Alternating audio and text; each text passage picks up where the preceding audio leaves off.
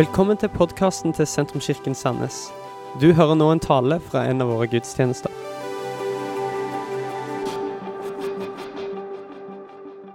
I dag eh, starter vi en ny serie om uh, samene. Um, uh, og kanskje du har fått en uh, bibellesingsplan sist søndag. Så hver november, som Solveig har sagt, vi går gjennom én bok i Bibelen, og vi leser den sammen. sammen. eh, sammen. Sammen. Sant? Eh, og jeg synes Det er så kult og det er så kjekt å lese Bibel sammen som en kirke i tre eh, forsamling. Altså, det er så kjekt å, å gjøre det sammen, for det skaper en sånn uh, forventning uh, til søndager. Og det skaper en, uh, unity. Hva er unity på norsk? Enhet, selvfølgelig. Det skaper enhet i, i kirken vår. Det, det er så viktig. Altså, Hvis du er litt seint med det, det er tid for deg. Du må bare slå av eh, Team Ingebrigtsen. Nei, ikke gjør det. Det er så bra. Fødte grisen, de guttene der. Det er kult. Men uh, i dag jeg uh, skal snakke om tilbedelse. Og eh, den eh, salme jeg skal bruke, er Psalm, eh, salme 45. Eh, OK, that was five minutes. Uh, uh, the Psalms are broken up into uh, five different books. If you've ever noticed that, if you've been reading through and you get to Psalm uh, 42 and it says book number two, and if you've ever wondered what that is, it's actually quite interesting. You see, back in the day, there was no Bible, they didn't have a Bible. Uh, so they relied upon uh, telling the stories of what had happened to pass on the what happened. And so people would actually know what had happened in the first five books of the Bible, the first Moses book, Andre, and so forth and so on. And so the five books in the Psalms are actually a mirror image of uh, the first five books of the Bible. It's a poetic, kind of artistic take on the feeling and the emotion of what happened in the first five books of the Old Testament, the Pentateuch. And, uh, and, and it's actually quite interesting whenever you read it because you come to verses like David writes in uh, Psalm 23 uh, you, you lead me beside quiet waters right for example. And then you can actually draw kind of a parallel an artistic parallel if you will back to adam walking with god in the garden right? It's actually quite beautiful uh, so you, and you can do that throughout those psalms and you can kind of relate that back and it's a mirror image. Very interesting actually. The psalms in hebrew mean psalms of praise or songs of praise. To give glory, to give honor, but at the same time, these songs kind of have the feeling of a prayer and of a kind of a heavy heart sometimes. Those are these songs of worship, these songs of praise, this exaltation and glorification of God. It's saying, look at how amazing God is. And it's quite beautiful. I think if we were go to go around the room here today and say what is worship, we would have a lot of different ideas, I'm sure.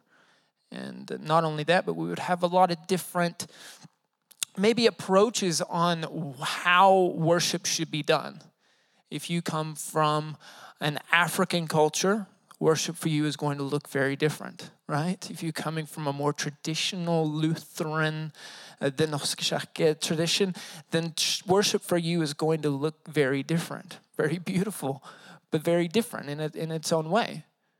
You come from a charismatic tradition. I come from the southern states of America, and uh, you were not worshiping if you weren't sweating, right?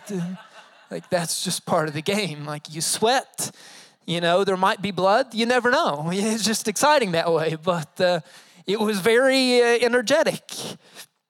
And so worship looks a lot of different ways, but worship uh, på engelsk, you, you can say that worship means worthship. Or there's a worth, things that we set value on. Uh, tilbedelse er å si dette her, jeg setter verdi på dette. What, are you, what is worth something? What are you setting value on? Psalm 45 it should be on the screen, Panosk, uh, but I'm going to read it in English. It says, My heart is stirred by a noble theme as I recite my verses for the king. My tongue is the pen of a skillful writer. You are the most excellent of men. And it stopped right there. Most excellent. In Hebrew, if you were to say most anything, that would be like a compound it's difficult to explain in English or in any other language, really, but, but what it would mean is you are excellently excellent or you are beautifully beautiful. Like you are the, the most extremely fantastic thing ever. You are the most excellent of men, and your lips have been anointed with grace since God has blessed you forever. Verse 6, skipping down. It says, Your throne, O God, will last forever and ever. A scepter of justice will be the scepter of your kingdom. Your love, you love righteousness and hate wickedness. Therefore, God, your God, has set you above your companions by anointing you with the oil of joy. All your robes are fragrant with myrrh and aloes and cassia from palaces adorned with ivory the music of the strings make you glad. As we read through the Psalms, though, we kind of get this understanding, we kind of get this picture that life isn't always that easy, right? Life kind of has its ups and its downs, it has its trouble, it has its difficulty, especially when we look at the, the life of David right? David wrote about half of the Psalms. And so when we look at the life of David, he experienced great highs where everything was great. And he also experienced some very dark, deep lows, right? I mean, you look at David from the very early age, David was passed up by his own father to become king of Israel, right? Remember, Samuel came to David's father's house and said, You're going to pick one of your sons to be the king. And David wasn't even in the running, right? David's brothers overlooked him completely because he was just a shepherd. He was a nobody. He didn't, he didn't really matter that much. It was a tough time for David. David's own son rebelled against him. And not just like, no, dad, I'm not going to do that, but like he, he, he, he went after him. It was a big deal. Uh, he, he, he experienced some very hard things in life, actually. We look at the life of David, we see these dark lows and these deep, painful kind of memories. But at the same time, whenever we look at the life of David, he was the king that all other kings would be compared to. He was the, he was the man, right? He was the big deal. we see these kind of ups and downs and and we read that in the Psalms, and it's, it's quite beautiful, actually. In 2019, now, though, we, we very much value consistency and predictability, right? Why is McDonald's so good? Right? It tastes the same every time. I've never bitten into a McDonald's hamburger and was like, wow, you know, this one was extremely good. You know, it's like, I, it's, it's, it's good because it's predictable. We appreciate things that are the same. We want things to be as we expect them to be. And so when we look at the life of David when we read through the Psalms, at a certain point, you kind of want to be like, David, get it together, you know? Like pull it together a little bit. Like I, I, get that things are tough and things are, and you have these ups and downs, and you kind of like David, like pull it together a little bit, right? Like come on, get it, get it together. But one thing is true about the Psalms is that praise doesn't stop just when life gets difficult. It's such a good reminder that praise and our worship and our life of worship doesn't just stop because life gets a bit difficult. I mean, to be honest, if I only worshiped and if I only gave praise to God whenever I felt like it, to be honest, it would happen a lot less than it does. right? I mean, to be honest, if I only went to church whenever I felt like it, probably even close your ears. Right? It would, it would happen less because I don't, I don't feel like it. It's, it's our human nature. And, and believe me, I'm not saying that emotions are bad. I'm not saying that feelings are bad. Trust me, I guarantee you I'm probably more emotional than most everyone in here. I put you to the test. I'm extremely emotional. This is who I am. This is who God created me to be. My wife appreciates it. That's why we're married, right? I don't understand why. I don't understand my emotions sometimes, but I'm very emotional. I don't think emotions are a bad thing, but I think it's a good thing to remember that we're actually called as worshipers. If you're a Christian here today, if you're a follower of Jesus, you're actually called to a life of worship. You're called to a life of praise. You're called to a life of adoration to our King Jesus. When we look back at Matthew chapter 22, Jesus is talking with uh, some Pharisees and some leaders and teachers of the law. If you remember, the Pharisees were those who believed that the law was still in place. Right now, we would say that they're probably kind of Hasidic Jews. Um, but they're the ones that stuck to the law of the Old Testament even when Jesus came. And so these Pharisees are asking Jesus, what is the greatest commandment? Right? And Jesus' response was, was absolutely brilliant, as you would expect it to be from Jesus. But uh, Jesus' response, if you remember, was what?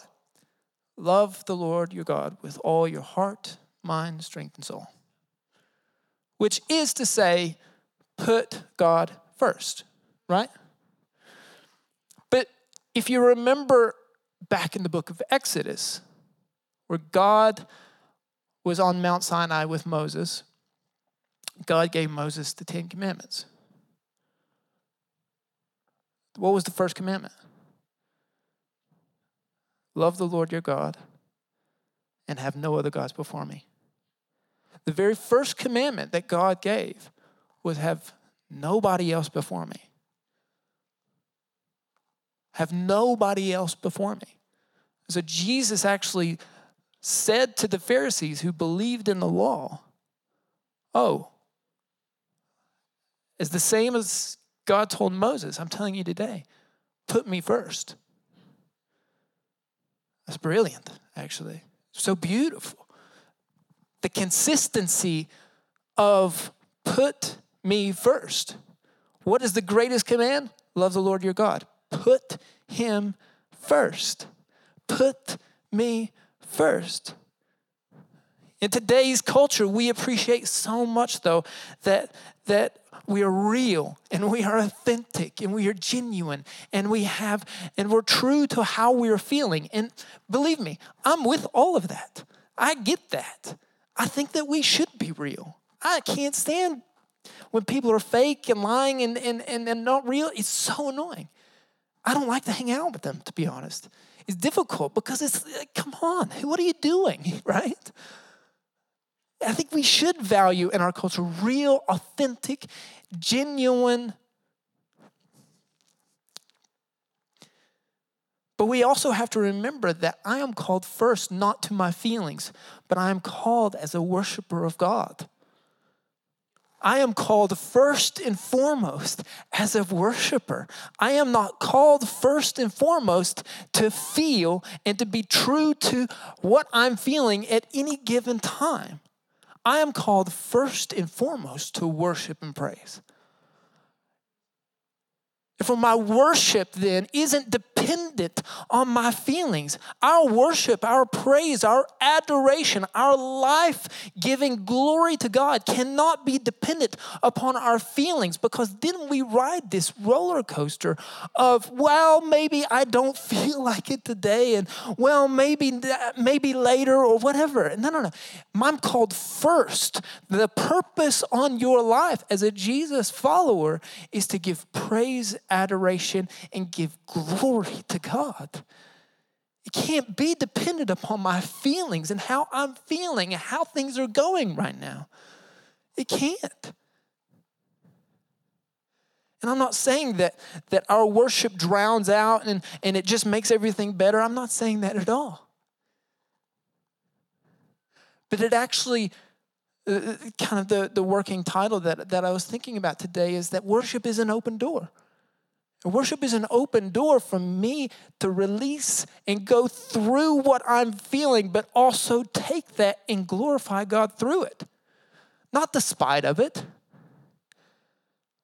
but I praise God through my emotions. I praise God through my pain.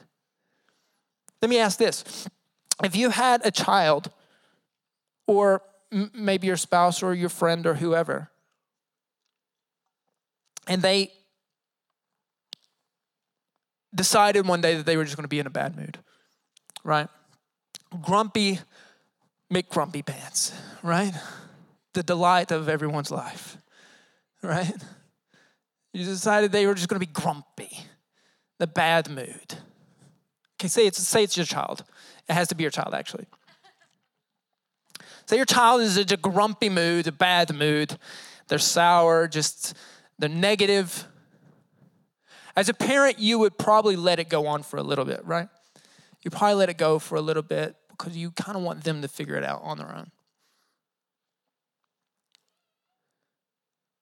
But if it kept going on and the child continued to be negative, continued to be in a bad mood, eventually, right, you would probably say something to the effect of, enough's enough. Knock and knock, right? Time to get it together, right? Because as the parent, you know that negativity only makes room for negativity. You don't get positivity by being more negative, right? That's almost like science. You, you, you can't be positive from being negative, right? And we understand as well that in order to be positive, you actually focus on something better. Right? You, you, you, that's why that's why if a child is crying, or I, have learned this because I've started reading these father books. So in the podcast, so if it's not true, then you have to tell me afterwards because uh, if it doesn't work, then I don't want to try it. But uh, but uh, but if the child's crying, then you distract it. You do something different. You know, look over here, look over here, you know, whatever, whatever it takes, right? I don't know if that's going to work, but I'm going to be doing that all the time. Look over there. What is it? What is it? Nothing. But um But you focus on something better. Right? I think sometimes we need to remind our soul, oh, focus on something better. Focus on something better. Hey, what you're doing, Jason, isn't good enough. What you're focusing on right now is not good enough. You need to pull it together, buddy, and focus on something better. Your negativity is only going to lead to more negativity. You need to focus on something better. You need to focus on something. Sometimes we need to tell our soul, we need to tell our spirit, we need to tell our inner man, hey, pick yourself up. Just like you would tell a child, hey, pull it together. What you're doing isn't good enough. It's not bringing glory to God. You're being led right now by your feelings and by your emotions and by your situation. You're letting your situation dictate your praise. But you need to let your calling dictate your praise. The calling on your life, your purpose on life is to give glory to God.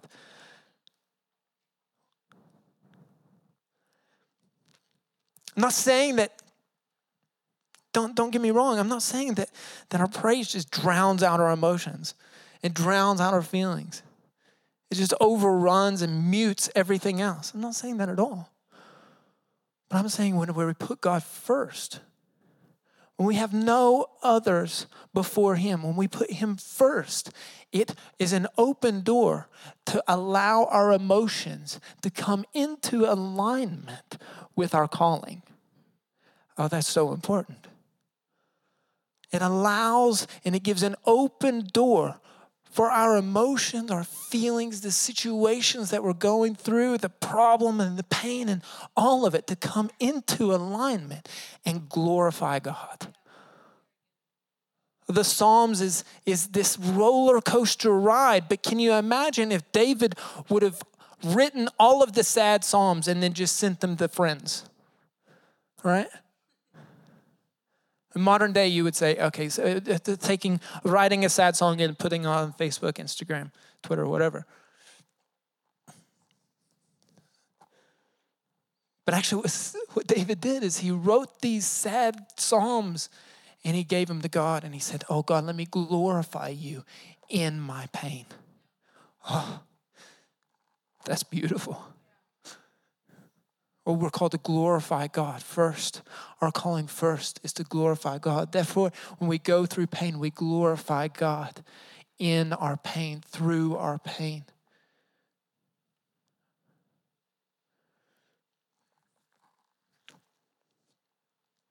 Hmm.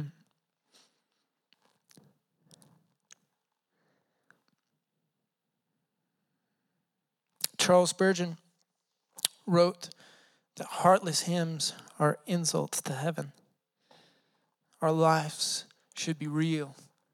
Our worship should be real, it should be genuine, it should be authentic.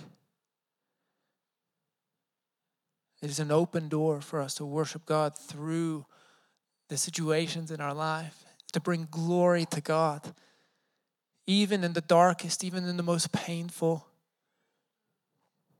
in my fear, in my anxiety, in my stress, in my burden. You glorify God through it.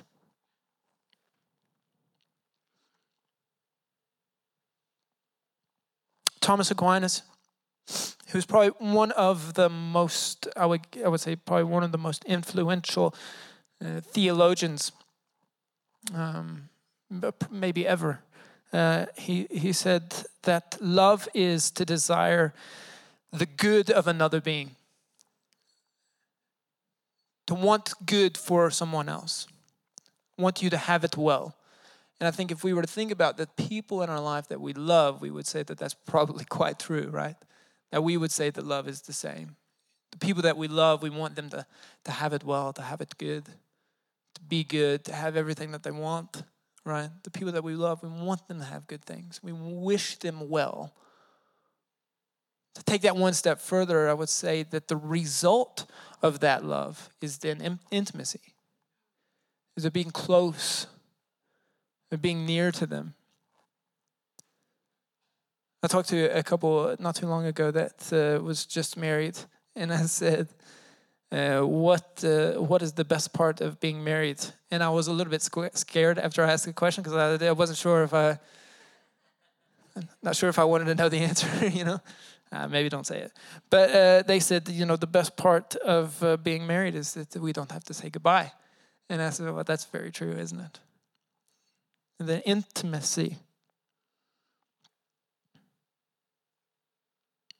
Because the more you spend time with someone else, you go from not just wishing well on them and wishing well for them, but you begin to see the good things in them, don't you? You begin to see the wonderful things in them. The more time you spend with somebody else, the goodness that is in them comes out and it pops out and it shines so bright and you say oh you have you can do that or you have this in you or whatever it is and you begin to pull the gold out of them just automatically because you see all the goodness that is within them. So beautiful. Oh, you, this thing, whatever it is, right? Now, the worship is an open door to encounter the heart of God. And then we begin to see you are so beautiful. You are so magnificent. There is, there's, tru- there's truly no one like you. Uh, we sang the song today, Hellig. God, God, you are hellig. And uh, when we look at the, the book of Revelation, the most powerful, I believe, worship service that the world will ever know is found in Revelation 4 and 5 in the throne room of God. Where there's 24 elders casting their crowns, giving their glory to God, bowing down and worshiping God, saying, God, you are holy. What does holy mean? Holy is you are completely other than. There is no one like you. God, you are first. You are magnificent. You are totally beautiful. Psalm 45 again. You are the most excellent of men. You are the most beautiful. There's no one like you, Jesus.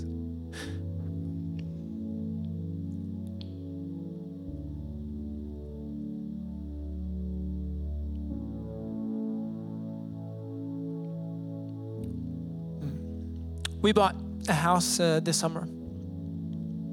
And uh, when you look at houses on the Finn, they'll have like this uh, explanation, uh, flott and bolig med fin utsikt or things like that.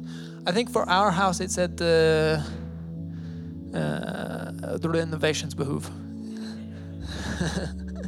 they weren't lying. so we spent the summer um, renovating our house, and uh, it gave uh, Jason a lot of time to think. Uh, a lot of time to think. And uh, I was actually thinking one day about a time when I was younger, and uh, I don't know, I was probably 17, 18 maybe. And I thought about a time where I, uh, I, I got bored with God, kind of. It's a weird thing to say, and it's a weird thing to feel uh, actually, as I was thinking about it, it, it hurts so much. And uh, I got bored with God, and and uh, you know, I started doing um, things that I shouldn't do, and I started being around people that I shouldn't have been, and. Uh,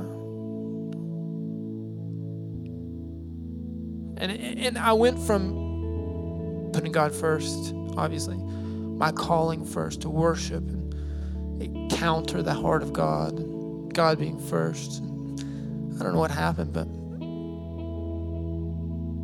God went from being first to second, right? Second to third to fourth, kind of just went down and down.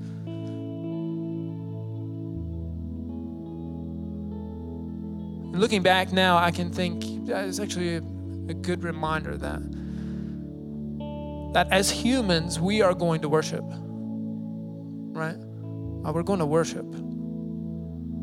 If worship is things that we put worth or value on, then we are going to worship things. Whether you worship your job, your uh, career, your intellect, your family, your spouse, your kids, are you going to worship?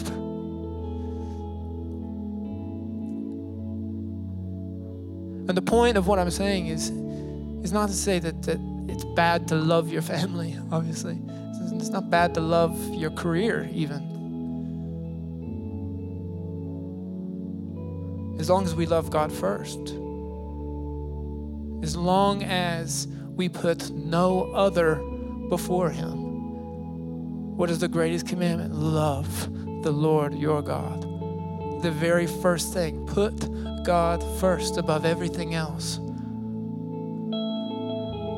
St. Augustine said, The essence of sin is disordered love. Oh, it's okay to love other things, to put value on other things. That's, that's, that's, that's, that's part of human life, is loving other things and love and doing good things and having great things. Why not? But the essence of sin is disordered love whenever the love that I have for everything else becomes out of order. It's okay to love your job, but it's not okay to love your job more than you love God. It's okay to love your family, but it's not okay to love your family more than you love God. It's okay to love your spouse, but it's not okay to love your spouse more than you love God. That, that does something with our minds, I think. It's important to remember, though, that your calling first is to love God. Your calling first is to worship God. Your calling first is to live in total adoration of the beauty and the majesty, the wonder, the splendor of our King Jesus. And through that, worship is an open door where we can actually love and we can serve our families, we can serve our spouses, we can work in our jobs and be more productive, actually, I believe.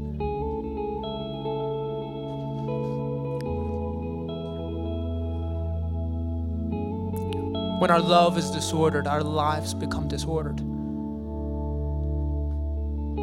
Psalm 45 is, is a psalm written about the future of the church.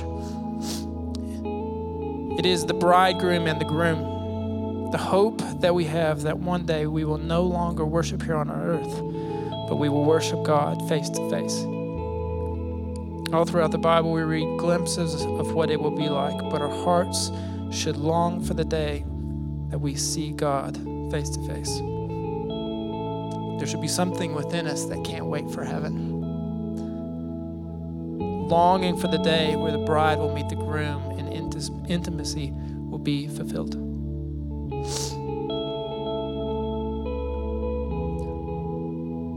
Would you stand with me today?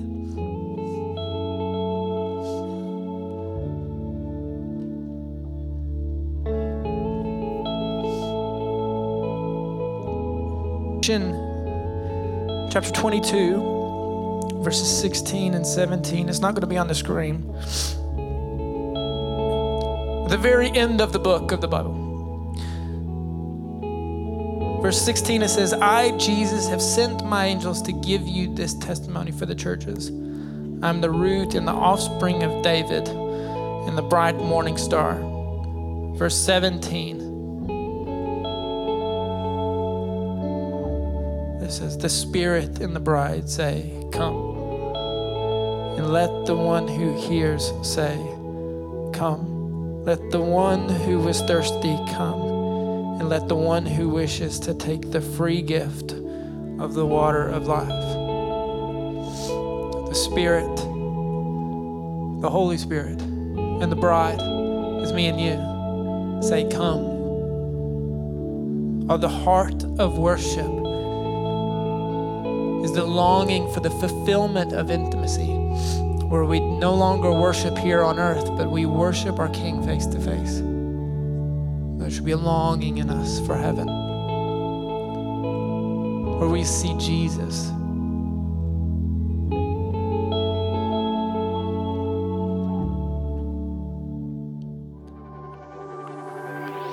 Dette var slutten på denne talen. Håper du har blitt inspirert.